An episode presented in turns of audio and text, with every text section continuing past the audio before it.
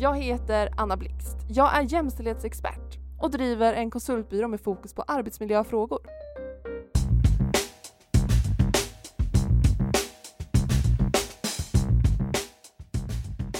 Idag pratar vi om kvinnodominerade och mansdominerade yrken.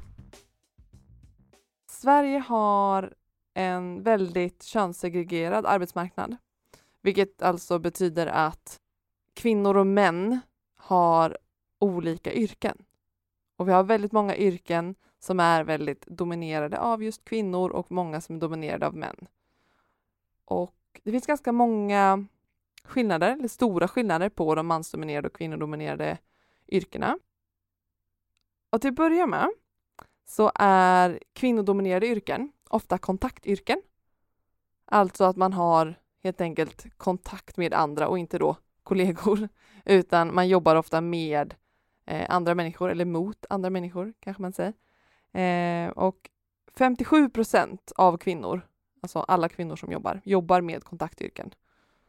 Där eh, omsorg står i fokus. Det är alltså sjukvård, äldreomsorg, skola, personlig assistans och så vidare och så vidare.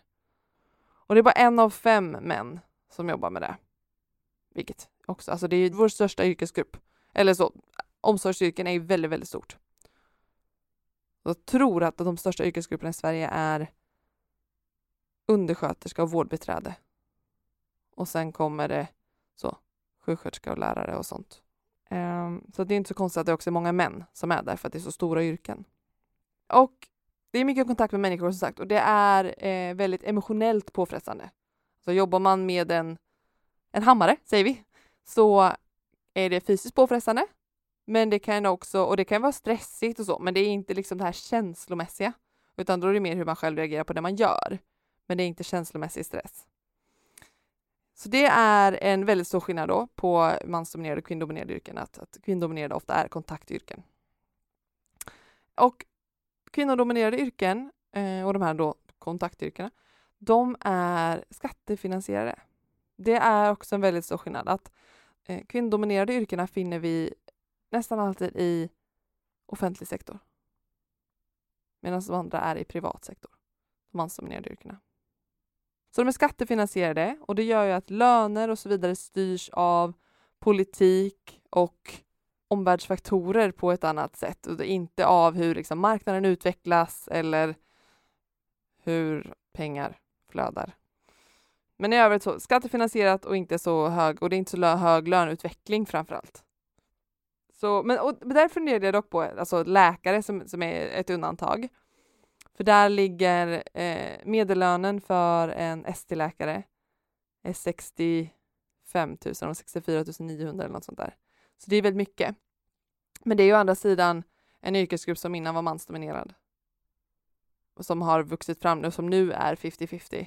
Jag tror på 70-talet så var det 20 procent kvinnor och nu är det 50-50. Så att det har ju vuxit fram ur ett mansdominerat yrke, så det har ju högre status, även om det förstås också är längre utbildning. Men det är väldigt stor skillnad på om man är en specialistsjuksköterska till exempel. Då har man ju läst sin utbildning och sen gjort jobbat och sen gjort specialistutbildning på det. Men då ligger lönen runt eh, 37. Och en hög lön då för en specialistsjuksköterska.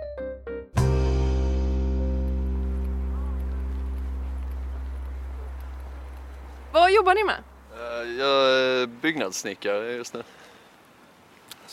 Jag jobbar i en restaurang, jag serverar mat. Okej, okay. eh, så på din restaurang där du jobbar, är det eh, mansdominerat, kvinnodominerat? Är det jämn könssammansättning? Det är, vi är faktiskt bara män just nu. Vi har ett par platser där vi söker ett par tjänster, alltså, vi söker typ en, eh, en sushikock. Kanske det kan bli en tjej, vem vet? Ja, och jag, just nu så jobbar jag själv.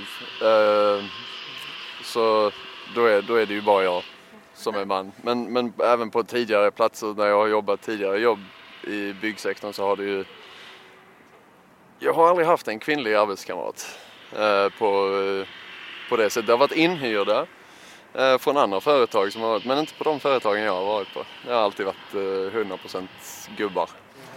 Vad hade varit fördelen med att ha En mer balanserad könsfördelning på din arbetsplats? Ja, det är lite svårt att säga eftersom att det ser ut som det ser ut idag. Men jag tänker att det är väl alltid bra med, ja, med jämställdhet. Det är klart att vi, det hade varit bra med fler män på arbetsplatsen. Jag vet inte riktigt hur det skulle förändras. Jag tänker väl det är väl som med, det är bra att ha människor med olika bakgrund. På samma sätt tycker jag att det är bra att både ha män och kvinnor eller vad man än definierar sig som. Har du arbetat på arbetsplatser som har varit kvinnodominerade eller mansdominerade eller har det varit en jämn fördelning? Väldigt kvinnodominerat inom eh, barnomsorg och förskoleverksamhet. Tror du att det finns några quick fixes, några snabba saker man kan göra för att få en mer jämställd arbetsplats? Ja, det första jag tänker det är ju framförallt att eh, jämställdhet vad det gäller löner och att lyfta eh, mycket av de, många av de kvinnodominerade yrkena så att de kommer upp och blir eh, ja, uppskattade för det de gör. Arbetsmiljöverket har gjort en jämförelse på kommunala verksamheter. Och då har man sett då, eller man kollar på omsorg och teknisk service. För det, då har vi en kvinnodominerad och en mansdominerad verksamhet inom en kommun. Och där kan man se då att det är fler deltidsanställda och osäkra anställningar i omsorgen. Det är fler anställda per chef. Det är sämre kommunikation med beslutsfattarna. Annars kanske det är att man sitter på ett litet kontor, man har chefen bakom en glasvägg. Man kan bara kan så ta kaffe med chefen kanske och så. Eh, det är, vilket också är spännande, det är sämre bilar till exempel, sämre fordon eh, och det är färre stödfunktioner. Det är alltså skillnader man kan se inom kommunen. En annan skillnad man kan se på kvinnor och män, snarare än branscherna kanske, det är att kvinnor lider av mer belastningsskador. Och det här har Arbetsmiljöverket kollat på och försökt förstå varför. Och gjort en liten lista på, på vad det handlar om då. Och kvinnor har till exempel väldigt eh, låg kontroll över vad de ska göra på en dag. Så vi tänker ett vårdbiträde kommer till jobbet, tar på sig sina kläder, tar kanske en kopp kaffe och därefter så är det väckning av de som bor. Eh, om man jobbar som vårdbiträde då i äldreomsorgen, då ska man väcka dem, hjälpa dem klä på sig och så vidare, fixa frukost och sen så är det en liten paus. Det är liksom ett schema som följer dagliga rutiner. Man kan inte själv påverka så mycket vad det är som händer. Om man då jämför en, eh, en eh, som jämförelsen vi tog innan i kommunal verksamhet. Om man kollar då på teknisk service så är det så här, okej okay, de här sakerna ska göras idag. Ja, men jag börjar med att göra det här. För då hinner jag göra det lagom till fikat. Och sen passar jag på att göra det här när jag är tillbaka här. Och så skulle jag behöva läsa in mig lite på den här nya grejen, då gör jag det då, för då är jag ganska pigg efter lunch. Det är större frihet inom mansdominerade branscher, generellt sett. Och samtidigt finns det också väldigt höga krav i kvinnodominerade branscher. Och det är alltså bara den, liksom, om du inte ger den här medicinen så dör den här människan. Att man har andra människors liv hängandes på axlar. Så kraven är högre i kvinnodominerade branscher. Man måste uppfylla saker för annars så hänger det bara över. Det finns liksom ingenting. Man kan inte låta bli i eh, hemtjänsten. Man kan inte åka, låta bli att åka hem till Gunnar. För att man inte hinner. Man måste ju hem till Gunnar, för annars så kanske han fastnar på toaletten. Och sen ska man vidare till Greta. Och då får man bli lite sent till Greta, men sen måste man ju också hinna med Siri ute i den röda stugan. För att hon ska få borsta sina tänder och få sin kvällsmedicin. För annars kanske hon inte överlever natten. Och sen är klockan tio, fast den skulle varit nio. Så höga krav, låg kontroll. Ehm, och det är också då högre, mer känslomässig påverkan. Ehm, men de här belastningsskadorna då, så är det att kvinnor ofta jobbar med repetitiva uppgifter till exempel i vården då, man ska hjälpa folk att resa sig upp. Alltså det, det kanske inte är... De tunga lyften ska man ju ta med lyft, vilket man inte alltid kan. Det är mycket små saker. Det städas kanske. Man sitter i kassa. Så många sådana små repetitiva uppgifter sliter mer på kroppen än om man gör tunga lyft ibland. Medan män har ju då istället så mer buller, mer vibrationer och får kanske mer bullerskador eller mer hörselskador. Men de har mer variation i arbetslivet i övrigt, generellt sett. Men om man har en arbetsplats där det finns både män och kvinnor så kan man se att arbetsplatser ofta är utformade efter en genomsnittlig manskropp. Kanske då inte i vården, men eh, många verktyg och sånt till exempel är utformade efter en medelmanskropp.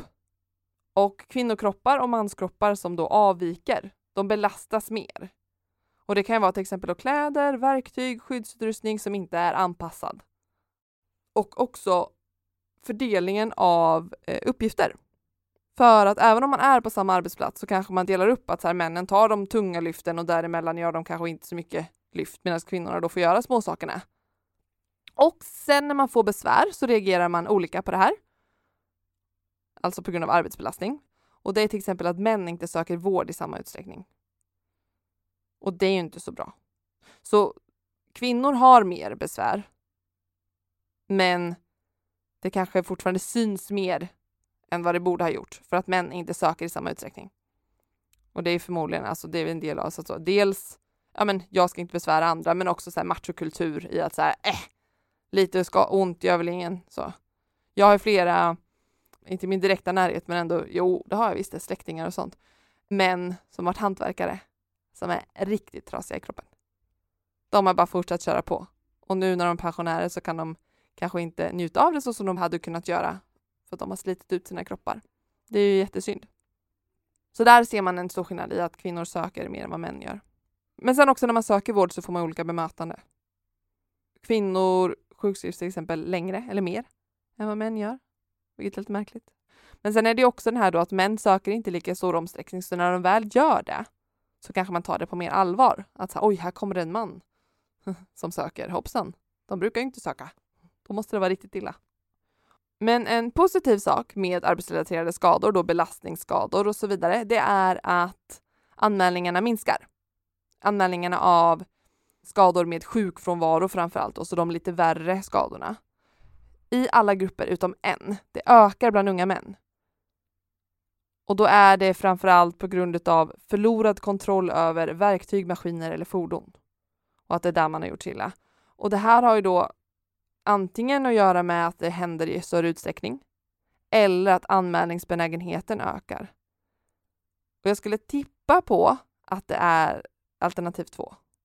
Alltså att det är mer okej. Okay. Att chefen kanske uppmuntrar till att så här, oj, men gud, här måste du anmäla att klart du ska vara ledig. Du har ont.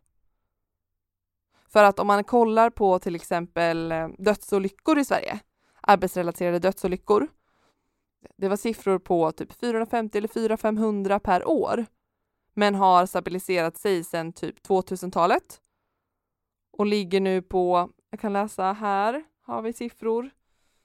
31 män och 5 kvinnor dog i arbetsrelaterade skador 2019. Och det har varit ungefär sådana siffror under hela 2000-talet. Därför tror jag att det snarare är anmälningsbenägenheten som har ökat, snarare än att folk skadar sig mer kvinnodominerade yrken genomsyras av liksom, lägre kontroll, högre krav och därmed också högre stress, högre emotionell stress för att man har kontakt med andra och mer repetitiva arbetsuppgifter och därmed mer belastningsskador. Män har som jag sa innan lite mer buller och hörselproblem, sådana skador. Samtidigt är det mer dödsolyckor så det är mer allvarliga skador där i just mansdominerade yrken. Det här är inte män i arbetslivet, obs, utan i mansdominerade yrken. Det är en större stress i kvinnodominerade yrken. Det är mindre kontroll, mer krav och så vidare. Och en av tre anställda inom vård, omsorg och utbildning beskriver sina arbetsdagar med att de inte hinner tänka på något annat än arbetet. Att de tvingas hoppa över lunchen varje vecka. En av tre att de inte kan påverka hur arbetet är upplagt eller hur det ska utföras. Och så känner liksom väldigt, väldigt många. Och höga krav och litet inflytande över arbetet är en känd stressfaktor som leder till psykosociala påfrestningar och besvär och då därmed också så här långtidssjukskrivningar och så vidare. Vilket man är väldigt hårt drabbade av i just kvinnodominerade yrken. Men den här stressen har man också kollat på ur flera perspektiv. Konflikter till exempel. Det här är spännande för det finns ju någon slags bild av att kvinnor är intrigmakerskor. Bra ord. Så då har man kollat på konflikter i arbetslivet. Då finns det en studie från Umeå universitet från förra året där man kollade på hur arbetsrelaterade konflikter påverkar välmående och så fokuserar de då på kvinnodominerade yrken. Sjuksköterskor, lärare och socialarbetare. Och så kollade de på vilken sorts konflikter som var vanligast och så fann de då att arbetsrelaterade konflikter var vanligast, alltså inte relationella konflikter. Och de fann att både män och kvinnor då delar samma upplevelse. Så både män och kvinnor har samma konflikter på, arbets- på kvinnodominerade arbetsplatser. Men att de här arbetsrelaterade konflikterna har då ingen negativ påverkan på välmåendet. Det ledde istället till mer nyanserade beslut för att fler åsikter delades. Men det man kan se då är att konflikterna är fler ju stressigare arbetsmiljö de har. Så det var fler sådana här konflikter hos sjuksköterskor än hos lärare, till exempel. För att stressnivån är högre och då är det mer konflikter. De här konflikterna är en arbetsmiljöfråga snarare än någonting könsrelaterat.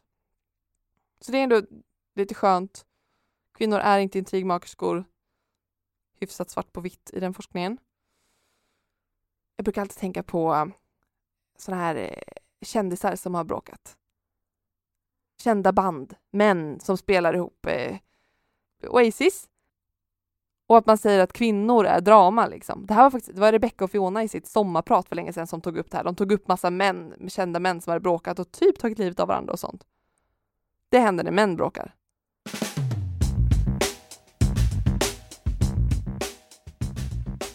Om vi ska se ihop den här mansdominerade, kvinnodominerade branschsäcken så kan jag avsluta med någonting som inte är mans och kvinnodominerat, vilket är att staten är den arbetsgivare som har jämnast könsfördelning.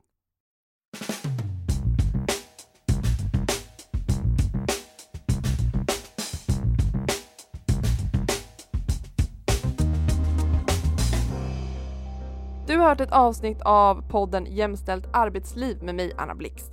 Vill du höra mer om mig så finner du fler avsnitt av podcasten där poddar finns och på min hemsida annablixt.com. Skulle du vilja att jag kommer till ditt företag och hjälper er med de här frågorna? Det är bara att höra av sig. Du når mig på mail annablixt.com. Tillsammans kan vi göra arbetslivet lite mer jämställt. Ta hand om er. Puss och kram!